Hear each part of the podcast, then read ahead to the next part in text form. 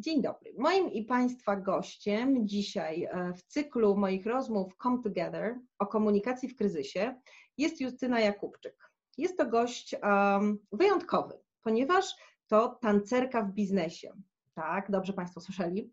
Dyrektor do spraw sprzedaży B2B w Bank Assurance AXA, E, Justyna uczy też, jak korzystać z design thinking e, w sprzedaży, a jako projektantka produktów i usług uczy również, e, jak myśleć perspektywą klienta. I o tym głównie będziemy dzisiaj rozmawiać również w kontekście komunikacji w czasie kryzysu. Dodatkowo, co dla mnie jest nie mniej ciekawe niż cały jakby bardzo szeroki obszar działalności Justyny, jako tancerka propaguje odklejanie się od krzeseł. I myślę sobie, że to jest szczególnie ważne, właśnie w erze takiego totalnego przyklejenia do biurek i komputerów.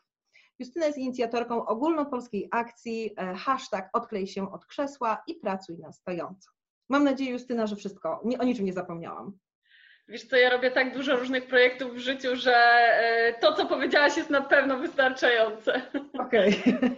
dobrze, ale dzisiaj nie o tańcu i nie o krzesłach, a o komunikacji chciałam z Tobą porozmawiać, ponieważ zajmujesz się projektowaniem i budowaniem doświadczeń e, klienta w kontakcie z marką. E, I tak sobie pomyślałam, że zapytam Cię o takie trzy najważniejsze elementy, o których nie można zapomnieć, kiedy się e, właśnie tego typu działania e, planuje czy projektuje. Mhm. To ja zacznę od tego, czym dla mnie jest marka, bo pewnie czym innym niż dla osób, które się zajmują stricte marketingiem, brandingiem, mhm. bo dla mnie marka to oznacza jakby całokształt różnych kontaktów, różnych interakcji, które klient ma z daną firmą, z produktem, z usługą. E, I to jest zarówno marketing, to jest zarówno sprzedaż, to jest obsługa klienta, e, to są reklamacje, e, to są opinie innych ludzi, czyli mnóstwo różnych rzeczy, które wpływają ostatecznie na percepcję klienta i na mhm. jego wybory zakupowe, czy na jego lojalność. I według mnie to, co wynika z mojego doświadczenia, z mojej praktyki, ale jest poparte też chociażby raportem firmy KPMG, e, jak budować pozytywne doświadczenia klientów. To jest taki dekalog, e, który nazywa się dekalog e, projektantów usług, który nazywa się mm, sześcioma filarami CX. Mhm. I tam trzy najważniejsze rzeczy, jakie są, jakie ja bym wymieniła, którymi ja się kieruję, to jest przede wszystkim wiarygodność. Czyli to, w jaki sposób my, komunikując się z klientem, składamy mu pewną obietnicę, że mu dostarczymy dany produkt niezawodny w takim czasie, w taki sposób, z taką atmosferą i tak dalej. Czyli to wszystko, co się pojawia w komunikacji, jak to się później odzwierciedla w rzeczywistości. E, I według e, badań, które też na cele tego raportu były przeprowadzone, e, no to to jest kluczowy aspekt w ogóle lojalności klientów. Więc przede wszystkim myślę, że w tych czasach, kiedy też mówi się o tak zwanym wieku nieufności, the age of distrust, to wielu międzynarodowych specjalistów w zakresie CX-a, Customer Experience, mówią o tym, że jest ogromna przepaść między tym, co klient już chce, co wie, czego jest świadomy, a mhm. tym, co oferują mu firmy i co wiedzą de facto firmy na temat klientów i ich zmieniających się cały czas preferencji. Więc e, pierwsza rzecz to wiarygodność, a dwie pozostałe, nie mniej ważne, rozwiązywanie problemów, czyli mhm. faktycznie to, w jaki sposób ja mówię, że nie wiem, mój produkt w postaci telefonu zapewni Ci dostęp do internetu niezawodnie śmigającego i tak dalej, i tak to jeżeli się jakikolwiek problem zdarzy w momencie, kiedy ja korzystam e, z produktu czy z usługi, to w jaki sposób firma jest w stanie rozwiązywać te problemy, a dziś przy pandemii koronawirusa tych problemów jest co niemiara i to jest taki moment weryfikujący, Zarówno mhm. komunikację, jak i w ogóle też podejście strategiczne do klienta i do jego problemów. No i trzeci aspekt to jest empatia, czyli to, co wiemy o kliencie, bo najpierw trzeba coś wiedzieć o kliencie, żeby go znać, a później, żeby go rozumieć i zgodnie mhm. z tym działać. E, e, tak, e, wejdę Ci od razu może trochę w słowo, bo chciałabym rozwinąć ten wątek właśnie tej trochę przepaści między tym, jakie my mamy oczekiwania względem marki, a jak ta marka właśnie w kryzysie się może zachować. Mhm. E, z czego to może wynikać? I jakby jak unikać tutaj um, takiej, ja nigdy nie mam na to dobrego słowa um, po polsku, ale takiego miscommunication, tak? Czyli um, rozbieżności między, między tym rzeczywiście, co mówi marka, a tym, co nawet nie słyszy, tylko co rozumie odbiorca. Mhm. I wydaje mi się, że w kryzysie ten szum taki komunikacyjny jest jeszcze większy, jest jeszcze większe ryzyko, o tak, żeby taki szum właśnie na linii odbiorca-nadawca, czyli marka, e, klient zaistniał. I tak się zastanawiam mm, właśnie, czy jest, jest jakaś, mm, złotej rady pewnie nie ma, ale czy jest e, jakaś możliwość, żeby, żeby jak najbardziej tego unikać w komunikacji z e, klientem?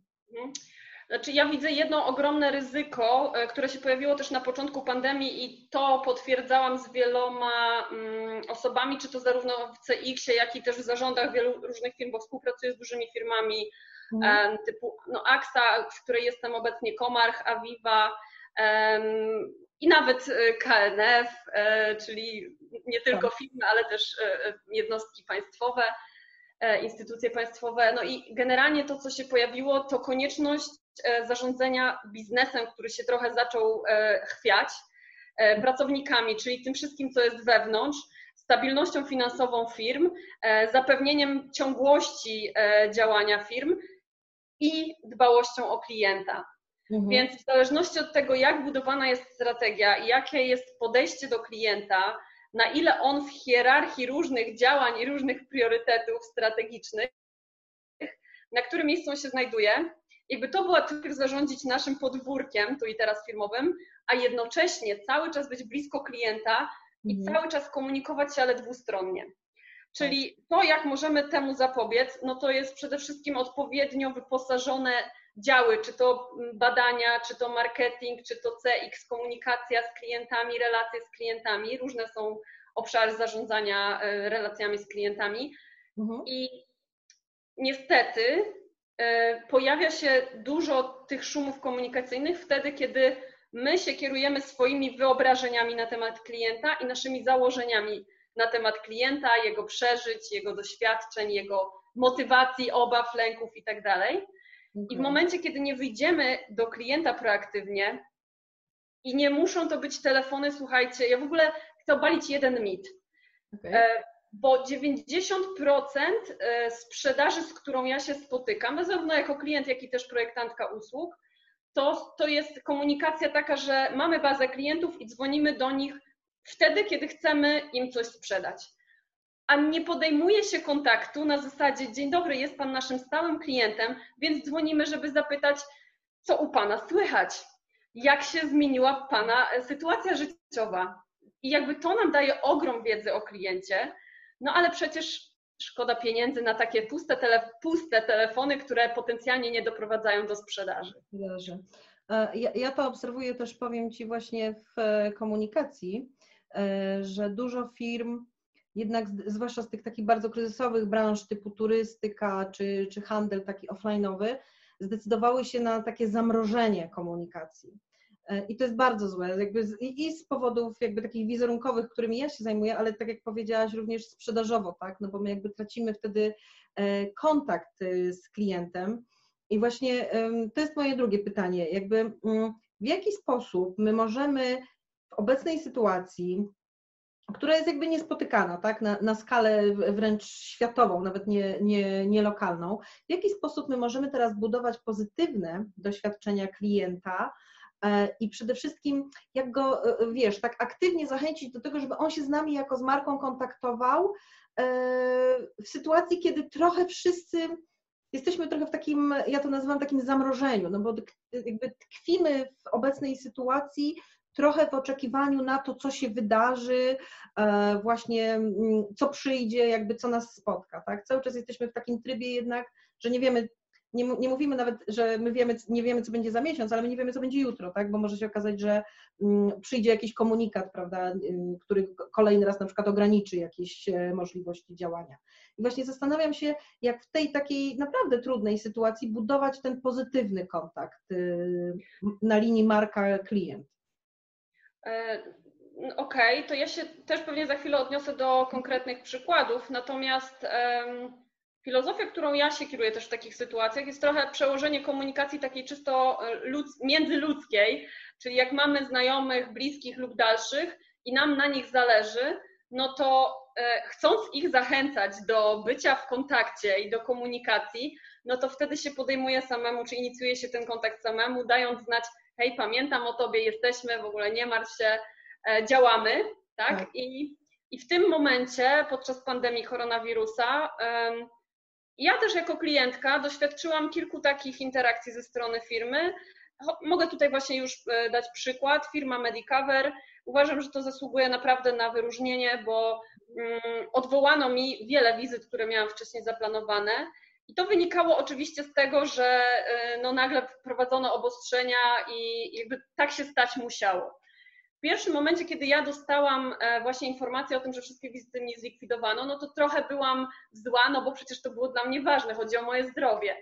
A z drugiej strony oczywiście rozumiałam sytuację, ale moja wyrozumiałość była znacznie większa, kiedy ja dostałam od firmy informację, że przepraszamy, że staramy się najbardziej jak możemy, żeby zapewnić Wam ciągłość też e, diagnostyki, badań, zabiegów i wizyt, ale e, z uwagi na sytuację prosimy o cierpliwość, wyrozumiałość i jednocześnie zrobimy wszystko, żeby Państwo nie skorzystali z tego później, inaczej i tak dalej. Co więcej, nawet kiedy miałam e, wizyty, o których ja zapomniałam, dwie mi się zdarzyły, bo myślałam, że już mi wszystko wykasowano, to zadzwonił do mnie lekarz sam z siebie. Okay. I to było dla mnie naprawdę zaskakujące. Potem jeszcze dodatkowo na LinkedInie, kiedy e, opublikowałam właśnie informację e, zahaczającą o te sytuacje e, związane z odwoływaniem wizyt, to dyrektor do spraw relacji z klientami napisał do mnie bezpośrednią wiadomość, mhm. pokazując, jak bardzo się troszczą i mówiąc o tym, że gdyby była w ogóle jakaś kryzysowa sytuacja, zdrowotna u mnie, to oni są gotowi na to, żeby podjąć inne działania niż te standardowe. Czyli przede wszystkim e, być w kontakcie, tak? Utrzymywać ten taki kontakt, który też e, ja myślę sobie, że w czasie kryzysu właśnie ważne jest to, żeby też trochę uspokajać e, te nastroje, prawda, wśród klientów. Tak. No właśnie, to jest ta troska i to jest ta empatia, że mimo tego, że nam się wali grunt pod nogami, to wiemy, że my świadczymy usługi innym. Mhm. One zahaczają o najbardziej podstawowe, fundamentalne wręcz y, mm, kwestie funkcjonowania, y, bo to chodzi o życie i zdrowie akurat w tym przypadku, ale inny, taka, taka antydeza tego, co powiedziałam, e, bo warto może też pokazać czarne światło. E, w każdym razie firma e, dostarczająca sprzęty elektroniczne, duże AGD. Mnie się zepsuła też zmywarka w trakcie, e, tydzień po ogłoszeniu pandemii i próbowałam się dodzwonić na dwa różne numery na infolinię przez dwa dni. Nikt nic nie odbierał, nawet jak była informacja, że zostaw swój numer, zadzwonimy później, zostawiłam, nikt się do dziś nie odezwał. Więc nie dość, że nie było kontaktu, e, żadnych wyjaśnień, żadnych e, ponownych kontaktów, to jeszcze mnie narażono, mimo gwarancji, na to, że musiałam ponieść koszty naprawy w innym zakresie. Czyli prawdopodobnie już e, jakby po kolejny produkt czy usługę raczej do tej firmy, domyślam się, będziesz, może nie tyle nie wrócisz, to będziesz mieć duże opory przed powrotem. Tak, no jakby to jest to, y, nie wiem czy strata zaufania przy jednym takim incydencie, ale na pewno duże nadszarpnięcie zaufania, pewna frustracja, która się zrodziła, no i na pewno znacznie większa ostrożność. No tak. E, Justyna, e, na koniec chciałam zadać pytanie, które zadaję wszystkim gościom. E, I to jest takie trochę pytanie, nie pytanie, bo proszę o dokończenie zdania. Dlaczego w kryzysie warto postawić, nie, masz dokończyć, nie pytanie, Ola. W kryzysie warto postawić na komunikację, bo. O.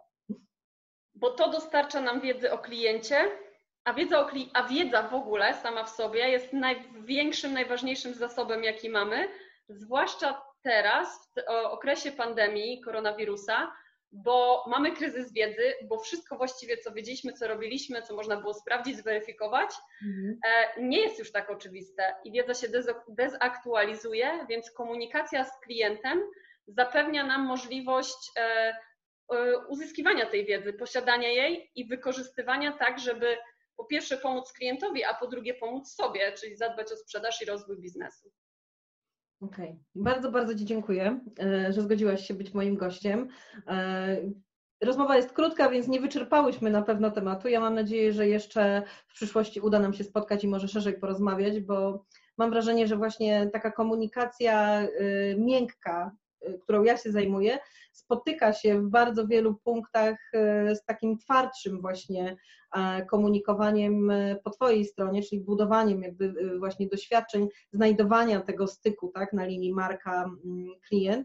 Więc jeszcze raz bardzo, bardzo dziękuję i mam nadzieję do zobaczenia. Dziękuję. Mi też było miło, e, bo mimo tego, że rzadko, e, że często współpracuję z firmami, różne działania e, mają miejsce, to rzadko mam okazję o tym mówić tak szerokiemu gronu, więc tym bardziej jest mi miło. Dziękuję bardzo. Dzięki.